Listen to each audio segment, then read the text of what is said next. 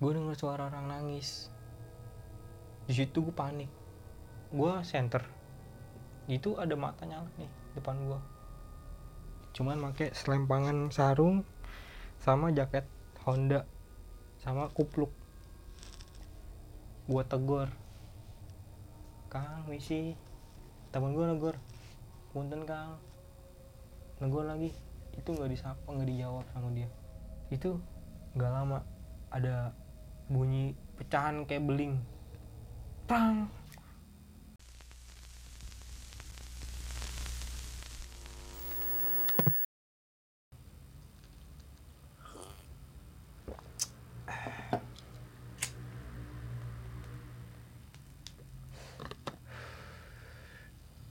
Assalamualaikum warahmatullahi wabarakatuh. Apa kabar kalian semua? Semoga baik-baik saja, tetap dalam lindungan Allah Subhanahu wa taala. Semoga apa-apa yang kalian inginkan terkabulkan dan tercapai. Amin ya rabbal alamin.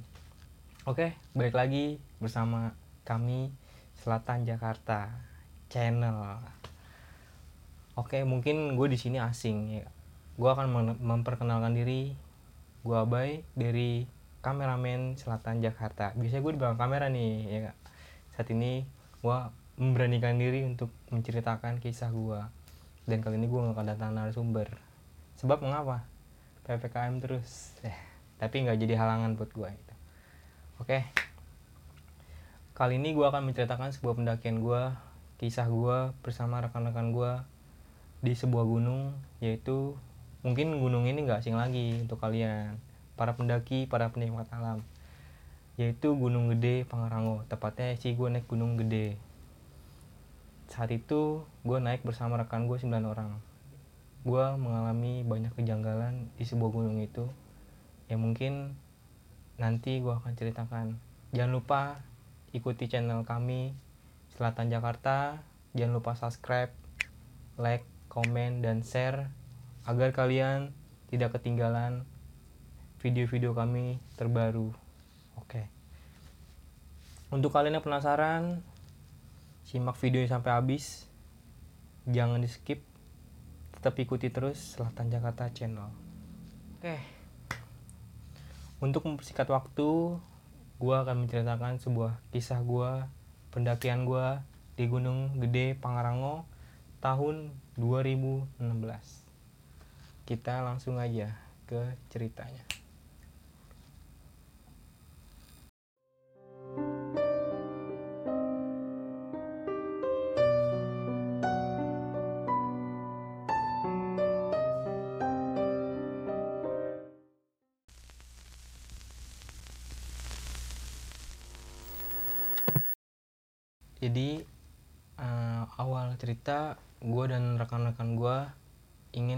Mendaki sebuah gunung yaitu Gunung Gede. Dan gue pun masih sekolah. Teman-teman gue mungkin udah pada kerja sebagian nggak semuanya. Dan gue dari Jakarta tuh tepatnya kebaran lama gue dari sini 9 orang. Gue melakukan pendakian dengan jalur via Putri. Di situ pun gue nggak pakai calo dan gue pakai resmi lah. Kalau ada apa-apa kan bisa enak ya kan singkat cerita gue dari kebayoran lama jalan jam satu malam dengan berkendaraan motor. Dengan berkendaraan motor nggak nggak semudah yang kalian pikirkan. Di situ pun ada kejanggalan. Mungkin kalian tahu lah kejanggalan-kejanggalan yang di jalan tuh nggak asing lagi. Ada motornya yang rusak ada ya apalah ya kan. Yang gue bisa sebutin. Singkat cerita sampainya gue Cibodas itu setengah limaan. Udah subuh lah mungkin. Udah subuh. Sesubuh ya pas ajan subuh. Dan gue dan teman-teman memutuskan untuk sholat terlebih dahulu. Gue sholat sehabisnya sholat gue makan teman-teman terus gue ngopi. Di situ gue nggak pakai tidur lagi sambil nunggu kantornya buka. Dan di situ pun kantornya bukanya tuh jam setengah sembilanan. Bahkan jam sembilanan. Tergantung hari mungkin kalau di situ yang gue tahu. Di saat itu gue nggak pakai calo juga. Gue resmi jatuhnya. Dan gue jam setengah sembilanan masuk ke kantor tuh check up ngantri. Setelah gue cek check up bersama rekan-rekan gue dari anggota dari teman-teman gue nih itu semuanya darah tinggi karena apa? Karena dokter menyarankan untuk tidur terlebih dahulu. Mungkin dokternya tahu nih kita belum pada tidur. Oke. Ketika dokter menyarankan untuk tidur terlebih dahulu sebelum melanjutkan perjalanan gua dan teman-teman gua tidak mematuhi kata-kata dokter itu. Ya namanya anak muda ya kan? Kita pun gimana ya? Kalau udah tidur tahu sendirilah ya kan? Namanya muda. Bablas takutnya Nah, ketika dokter menyarankan kita nggak patuhi itu, kita untuk melanjutkan perjalanan. Dari setelah check up itu kita balik lagi ke warung singgah ini, kita ngopi lagi, kita packing ulang. Setelah packing rapi, kita untuk melanjutkan perjalanan ke Gunung Putri dengan berkendaraan angkot. Singkat cerita, gue sampai Gunung Putri itu sekitaran jam 11-an sejam sebelasan itu gue gue singgah dan temen-temen gue di tempatnya Abah Anwar. Basecampnya Abah Anwar udah nggak sing lagi dong teman-teman dengan Abah Anwar ya kan? Sampai Abah Anwar itu jam setengah jam sebelasan berhubung itu udah sudah siang ya kan? Gue nggak sempet tidur juga gue nggak mau tidur karena udah terlalu siang. Gue untuk menunggu, menunggu untuk juhur terlebih dahulu. Setelah juhur gue dan teman-teman gue sholat juhur setelah sholat juhur gue pamitan sama abah. Gue untuk melanjutkan perjalanan. Di situ pun gue meremehkan. Gue dan teman-teman gue gue cuman bawa air tiga botol tupperware untuk sampai surya kencana. Itu 9 orang. Sampainya gue si maksi gue ditanya-tanya sama ranger sana untuk menyukupi logistik segala macem dan mungkin dari rekan gue atau gue pribadi itu sempet kayak agak berbohong juga sih menurut gue sebab mengapa? Karena dari pihak ranger pun menanyakan logistik. Mungkin kalau dari logistik pun itu mencukupi cuman dari kapasitas air untuk 9 orang itu enggak menurut gua sampai pos 1 itu sekitaran jam 2 jam 2an lewat lah. Nggak tahu lewat lewat berapa itu. Sampailah gue jam 2 di pos 1 dan di pos 1 pun biasa lah sebat-sebat gitu. Gue juga mau sebat juga nih kayaknya. Sebat nyantai sama teman-teman ya kan? Tawa-ketawa masih bodoh banget lah istilahnya. Nggak mikirin untuk ke depannya lagi di situ. Santai singkat cerita beberapa menit 30 menitan itu istirahat di pos 1 dan gue melanjutkan perjalanan. Itu memutuskan untuk tidak berhenti lagi di pos 2 langsung balik pos 3 gue jalan sampainya itu di pos 3 itu di pos 3 pun gue uh, sekitaran jam 4 lewat lah. Setengah lima mungkin di pos 3 itu. Di pos 3 setengah 5 biasa ngebrik lagi sebat lagi. Di pos 5 eh di pos 3 pun udah, udah setengah lima itu gue masih santai. Gue ngopi. Gue ngopi gue makan dulu. Makan indomie biasa lah ya kan pendaki ganjel-ganjel. Pas itu sehabis makan gue beres-beres alat segala macem sehabis makan teman gue pun minta untuk ngopi lagi. Ya udah gue nurutin. Ya udah kita ngopi lagi. Sedangkan air kita tinggal dikit. Saat itu air kita cuman satu botol doang. Tinggal satu botol. Untuk melanjutkan lagi ke Surya Kencana. Mungkin teman-teman tahu lah dari pos 3 ke Surya Kencana itu makan waktu berapa jam ya kan? Standarnya saat itu gue ngopi lagi sama temen-temen gue udah pengen maghrib. Dan sebelum maghrib pun teman-teman gue ada nih salah satu temen gue dia kayak azan. Cuman azannya kayak bercanda. Di situ kayak gue ngerasa aduh kok gini ya kan? Gue bingung. Langsung kayak seketika hawanya beda gue mau melanjutkan perjalanan lagi cuman pengen maghrib. Soalnya pun ya kabut-kabut lembut lah. Disebut biasa ya namanya mau malam gitu. Kan yang gue tahu nih aduh gue ngeri nih.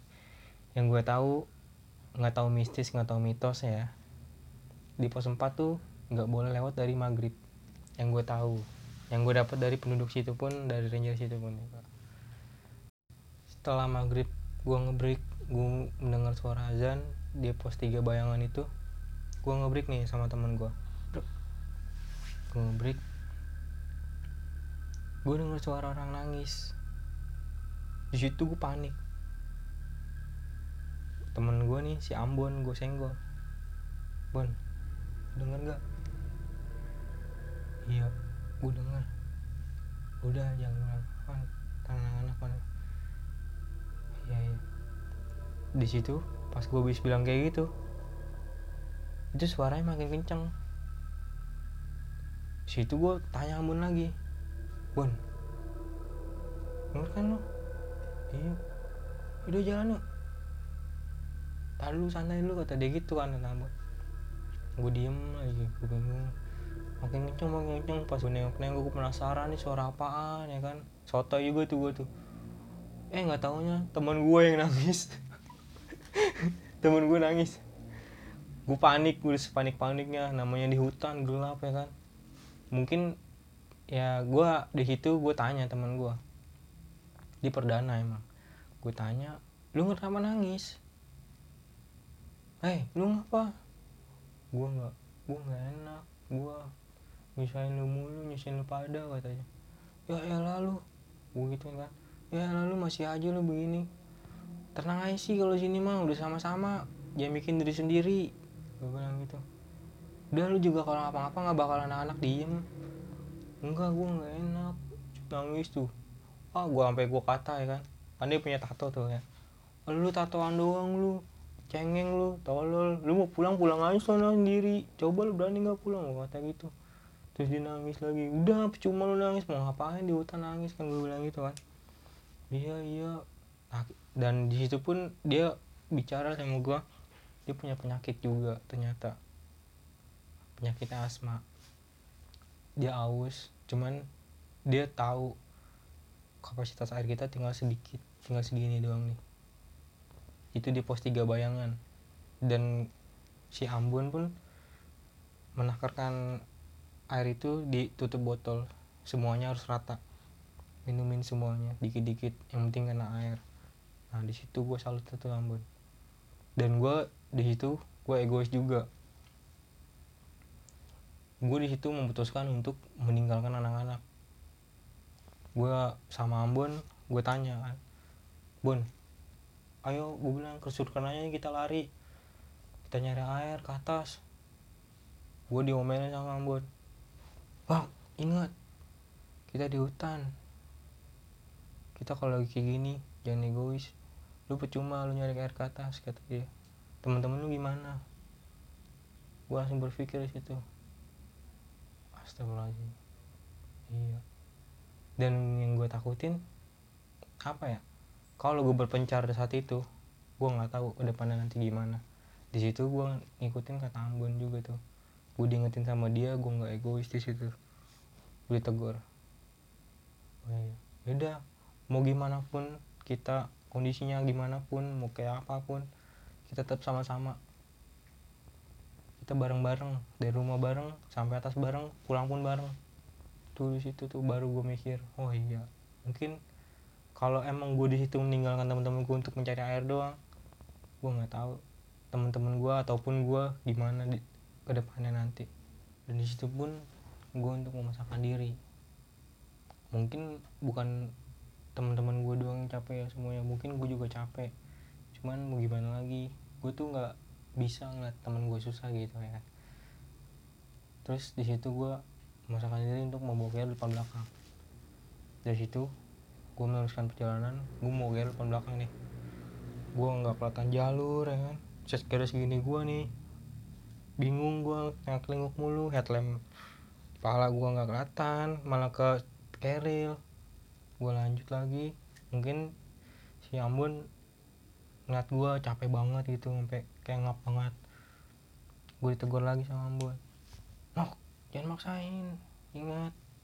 Ya Bon gimana lagi? Gue bilang udah santai aja. Tadi gitu. Udah ayo jalan dulu gue jalan lagi tuh.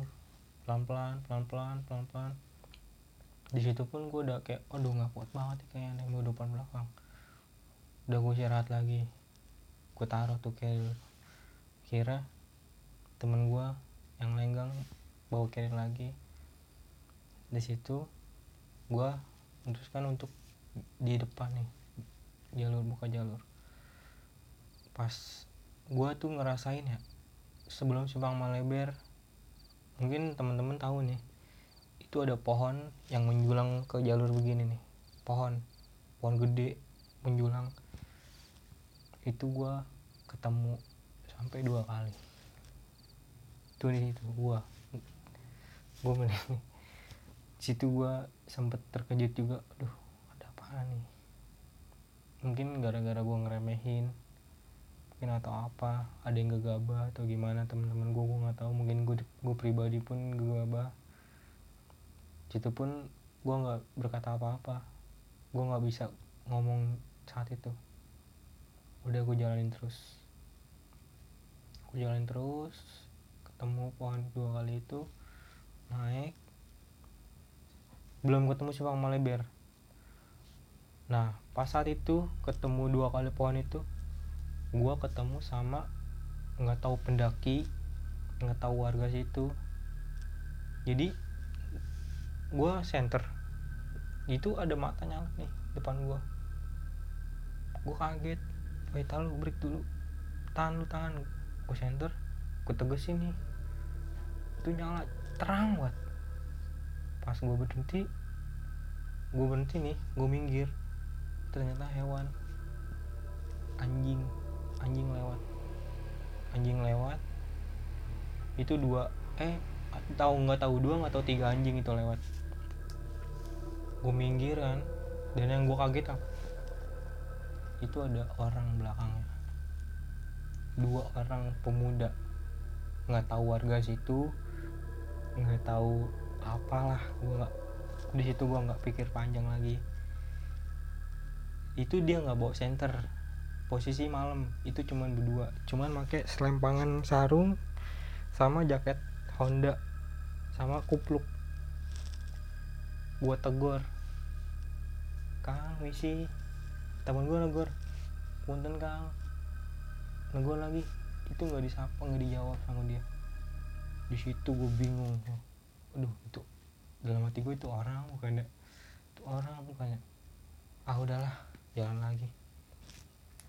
Nggak lama ini tuh jalan. Gue jalan lagi seling 20 menitan itu gue ketemu simpang Maleber itu hati gue udah seneng buat ya Allah.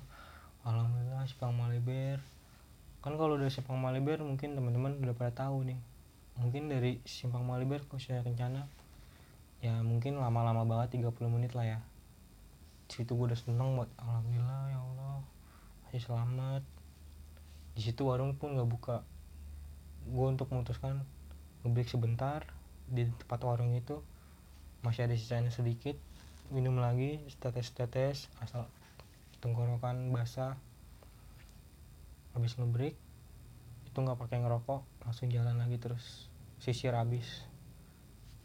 Alhamdulillahnya gue masih sampai ke Siwar Kencana. Alhamdulillah banget itu. Sampailah tuh gue di arah Siwar Kencana yang landai. Mungkin udah ada pohon-pohon rimbun gitu di kayak lah modelnya. Kalau malam tuh kayak gang situ pun gue udah senang banget. Ya Allah alhamdulillah ya Allah nyampe Sri Kencana di situ jalurnya pun nggak akan ketemu tanjatan lagi. Pasti landai.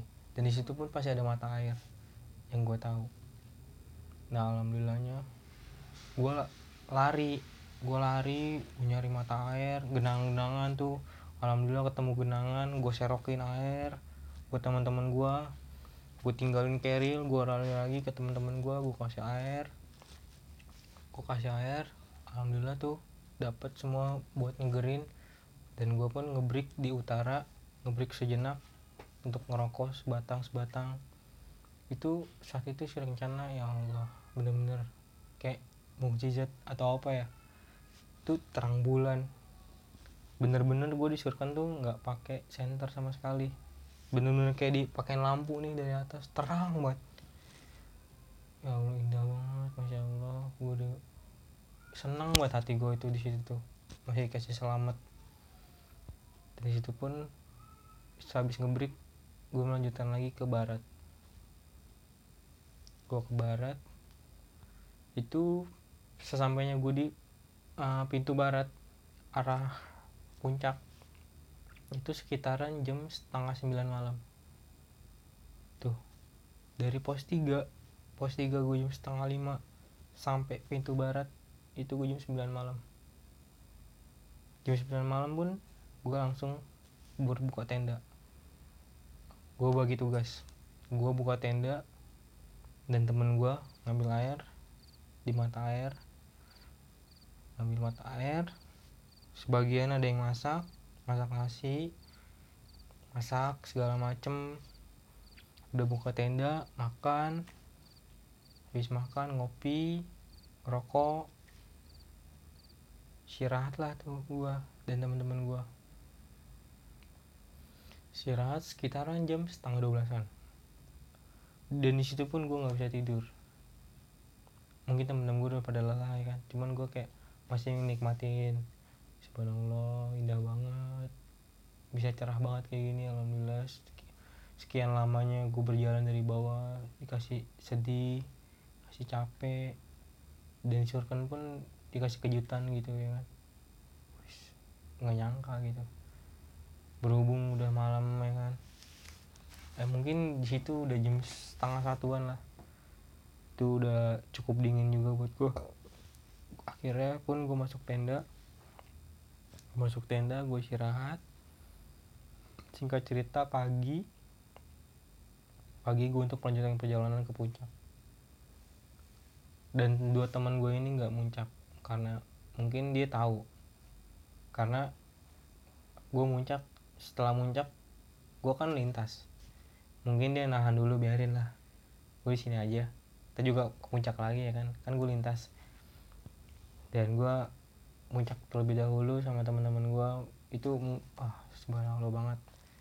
Mungkin itu gue jam setengah delapan apa jam delapan lah ya gitu gue nyampe puncak itu cerah banget.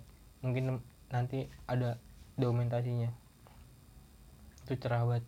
Setelah muncak gue ngerokok gue ngopi makan agar segala macem lah ngebreak di situ di puncak. Gue nikmatin di puncak indah banget.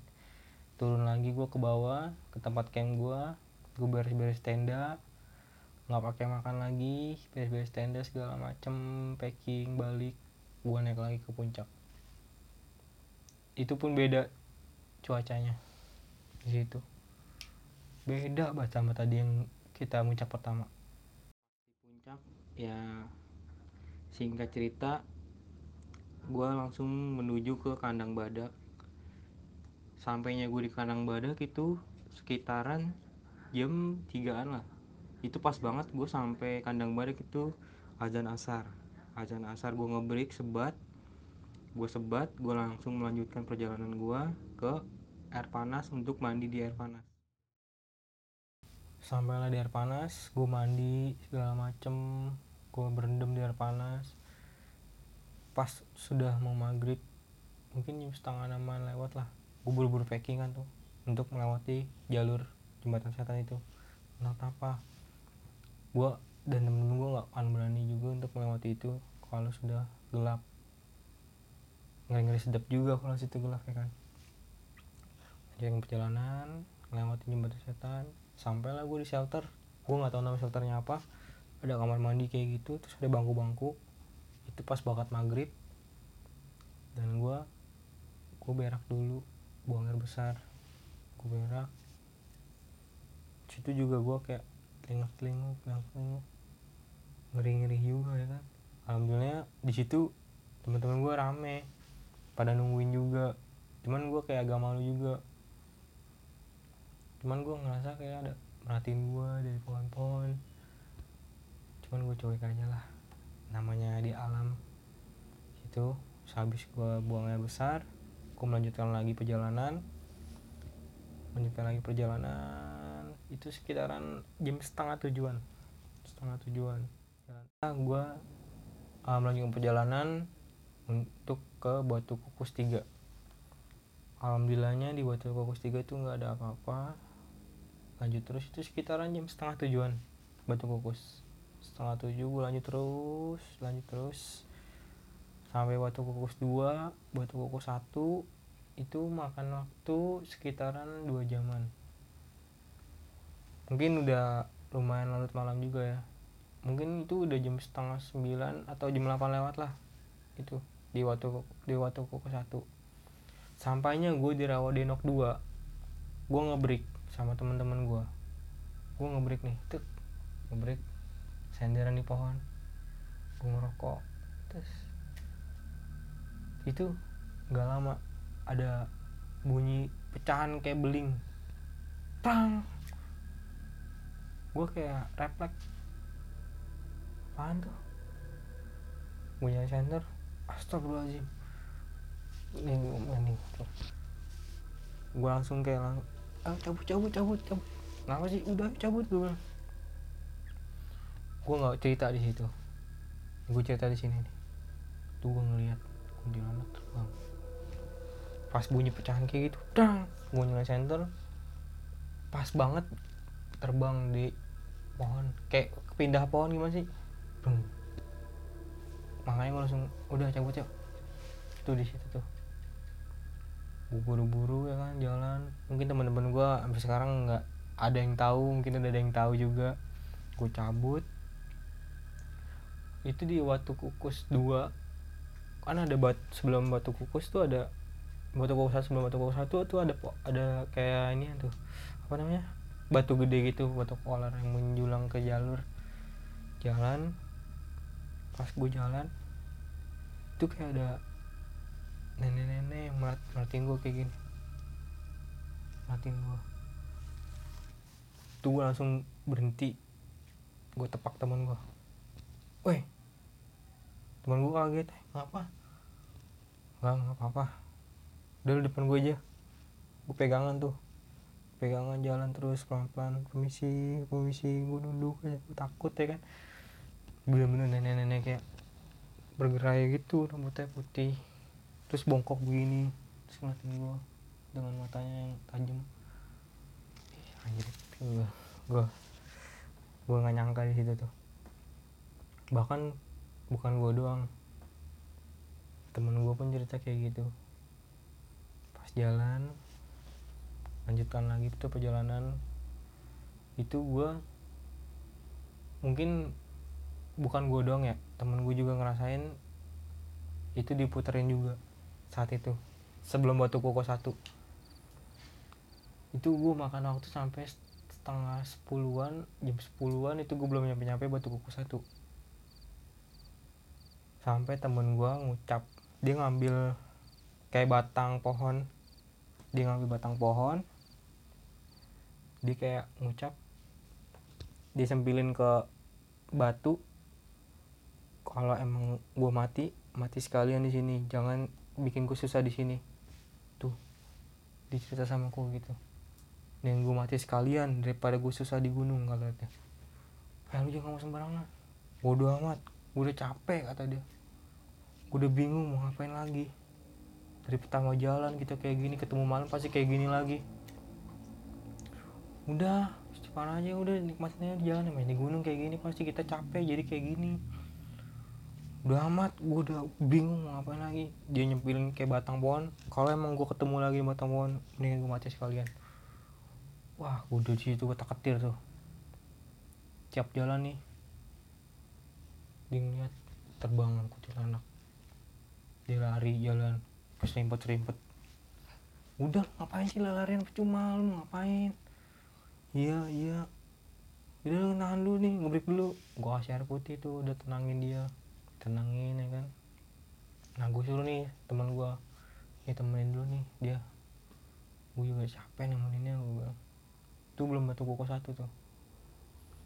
Temenin lah sama temen gue gue ajak ngobrol dulu sebat dulu nih sama teman-teman gue sebat. Istirahat. Lanjutkan lagi tuh habis sebat. Ayo jalan lagi. Bareng-bareng aja ya. Jangan ada yang mencar. Jalan lagi lah tuh segar bergan jalan seling berapa menit? Nggak ada 10 menit. Alhamdulillah ketemu tuh shelter batu kukus.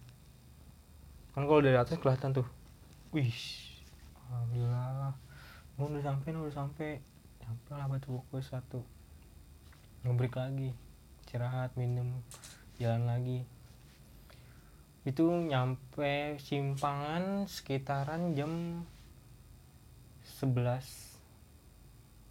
jam 11an nyampe simpangan. Itu udah tenang. Mungkin gue udah tenang ya tapi teman-teman gue gue nggak tahu. Gue udah alhamdulillah udah sampai simpangan. Mungkin udah deket. Jam setengah sebelah jam sebelasan istirahat santai dulu lah. Jalan lagi lah. Nah si temen gue ini yang tadi nangis itu kakinya cedera kakinya cedera teman-teman gue emang gue suruh jalan duluan gue nemenin dia. Itu center nih. Gue satu berdua mending kalau terang. Ya lah gelap banget. Udah redup. Nih gue ngeliat jalanan kayak gini nih jalan jalanan. Sambil ngerangkul dia pincang-pincang. Ayo dia ngajak buruan kan. Ayo buruan anak-anak pada depan. Udah lu mikir diri lu sendiri dulu. Ini kaki lu pincang daripada lu buru-buru ntar ngapa-ngapa lagi santai aja sih gue bilang.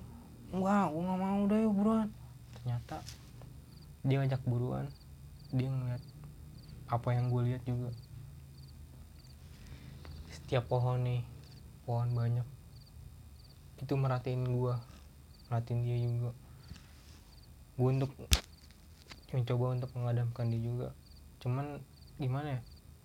Mungkin di perdana kaget lah dengan situasi kayak gitu cuman gue untuk kayak udahlah saya mengkuatkan diri juga.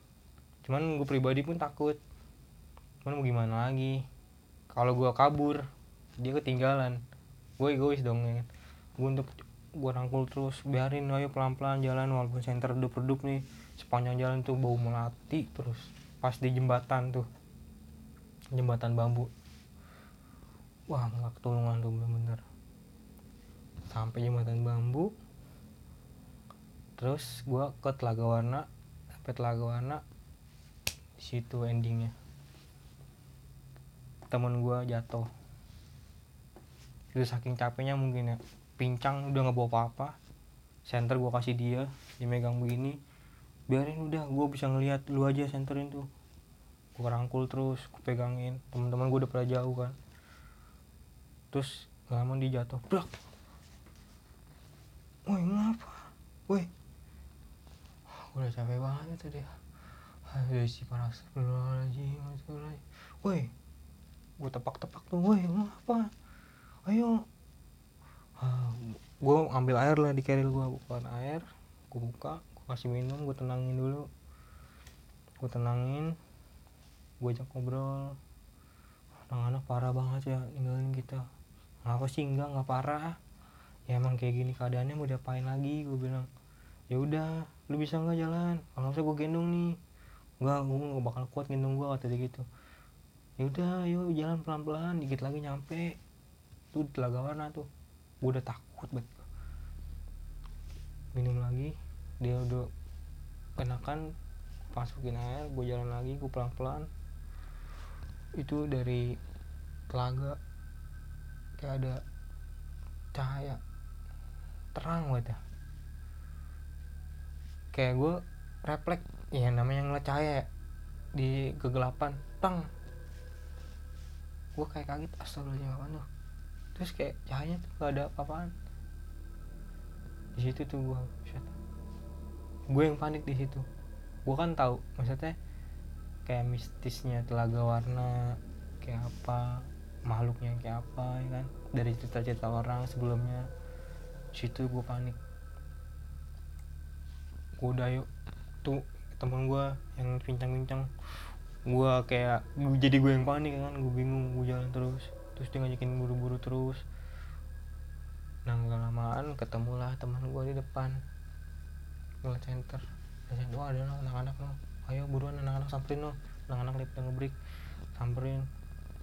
Gue samperin lah tak duduk. Gantian nih capek gue iya iya udah. Santai aja deh bareng-bareng aja jangan jauh-jauh gue bilang. Posisi kayak gini nih nggak asik gue bilang. Ya ya udah bareng-bareng aja. Nah alhamdulillahnya pas nyam uh, gue habis ah, ketemu anak-anak alhamdulillah itu anak-anak nggak dulu-duluan lagi saat itu. Gue udah bilang sama Ciambun juga udah jangan ninggalin kondisinya kayak gini nih. Jalan tuh pelan-pelan jalan pelan-pelan. Jalan pelan-pelan ketemu pohon gede ketemu HM27 kalau nggak salah tuh HM27 wah alhamdulillah. Udah kelihatan tuh base camp. Bukan base camp sih shelter ya, si maksi tempat si maksi tempat pembuangan sampah ya alhamdulillah. Dan di situ pun nggak se ya apa ya pas ketemu bak sampah itu turun pas gue center tuh ada babi. Anjrit. Tuh panik juga di situ tuh. Ketemu babi. Dan temen gue tuh kayak make ada trackpole kan ya. Eh tongsis bukan trackpole tongsis. Goreng tongsis. Terus dia masih seger juga kan ya buat untuk ngegusah dia ngejar-ngejar babi digusah-gusah gitu anak-anak lewat.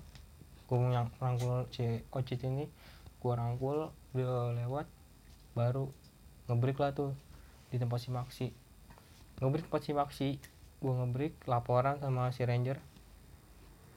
Dan ada di kamar mandi. Itu bukan rekan gue jadi kayak pendaki lain nih di kamar mandi itu. Pas di kamar mandi dia buka kamar mandi nih pas mau keluar kamar mandi itu ada babi. Pas ada babi dia kabur jatuh ke got. Sini pada berdarah alhamdulillahnya tuh babinya nggak nyerang dia Shit, kalau emang nyerang dia tuh nyeruduk mungkin punggungnya bolong kan itu nyeruduk babi. Alhamdulillah tuh diusir sama si ranger gue ngobrol sebentar. Itu sekitaran jam setengah satuan malam. Hmm, wah itu asli. Ancur-ancuran jalan. Yang biasanya ke gede itu nggak makan waktu banyak segitu lamanya ya kan. Yang gue rasain tuh ya mungkin ya mudah-mudahan nggak nggak akan ngalamin lagi hal kayak gitu lah insya Allah. Ya mungkin ini aja cerita gua kisah gua yang bisa gue bawain malam ini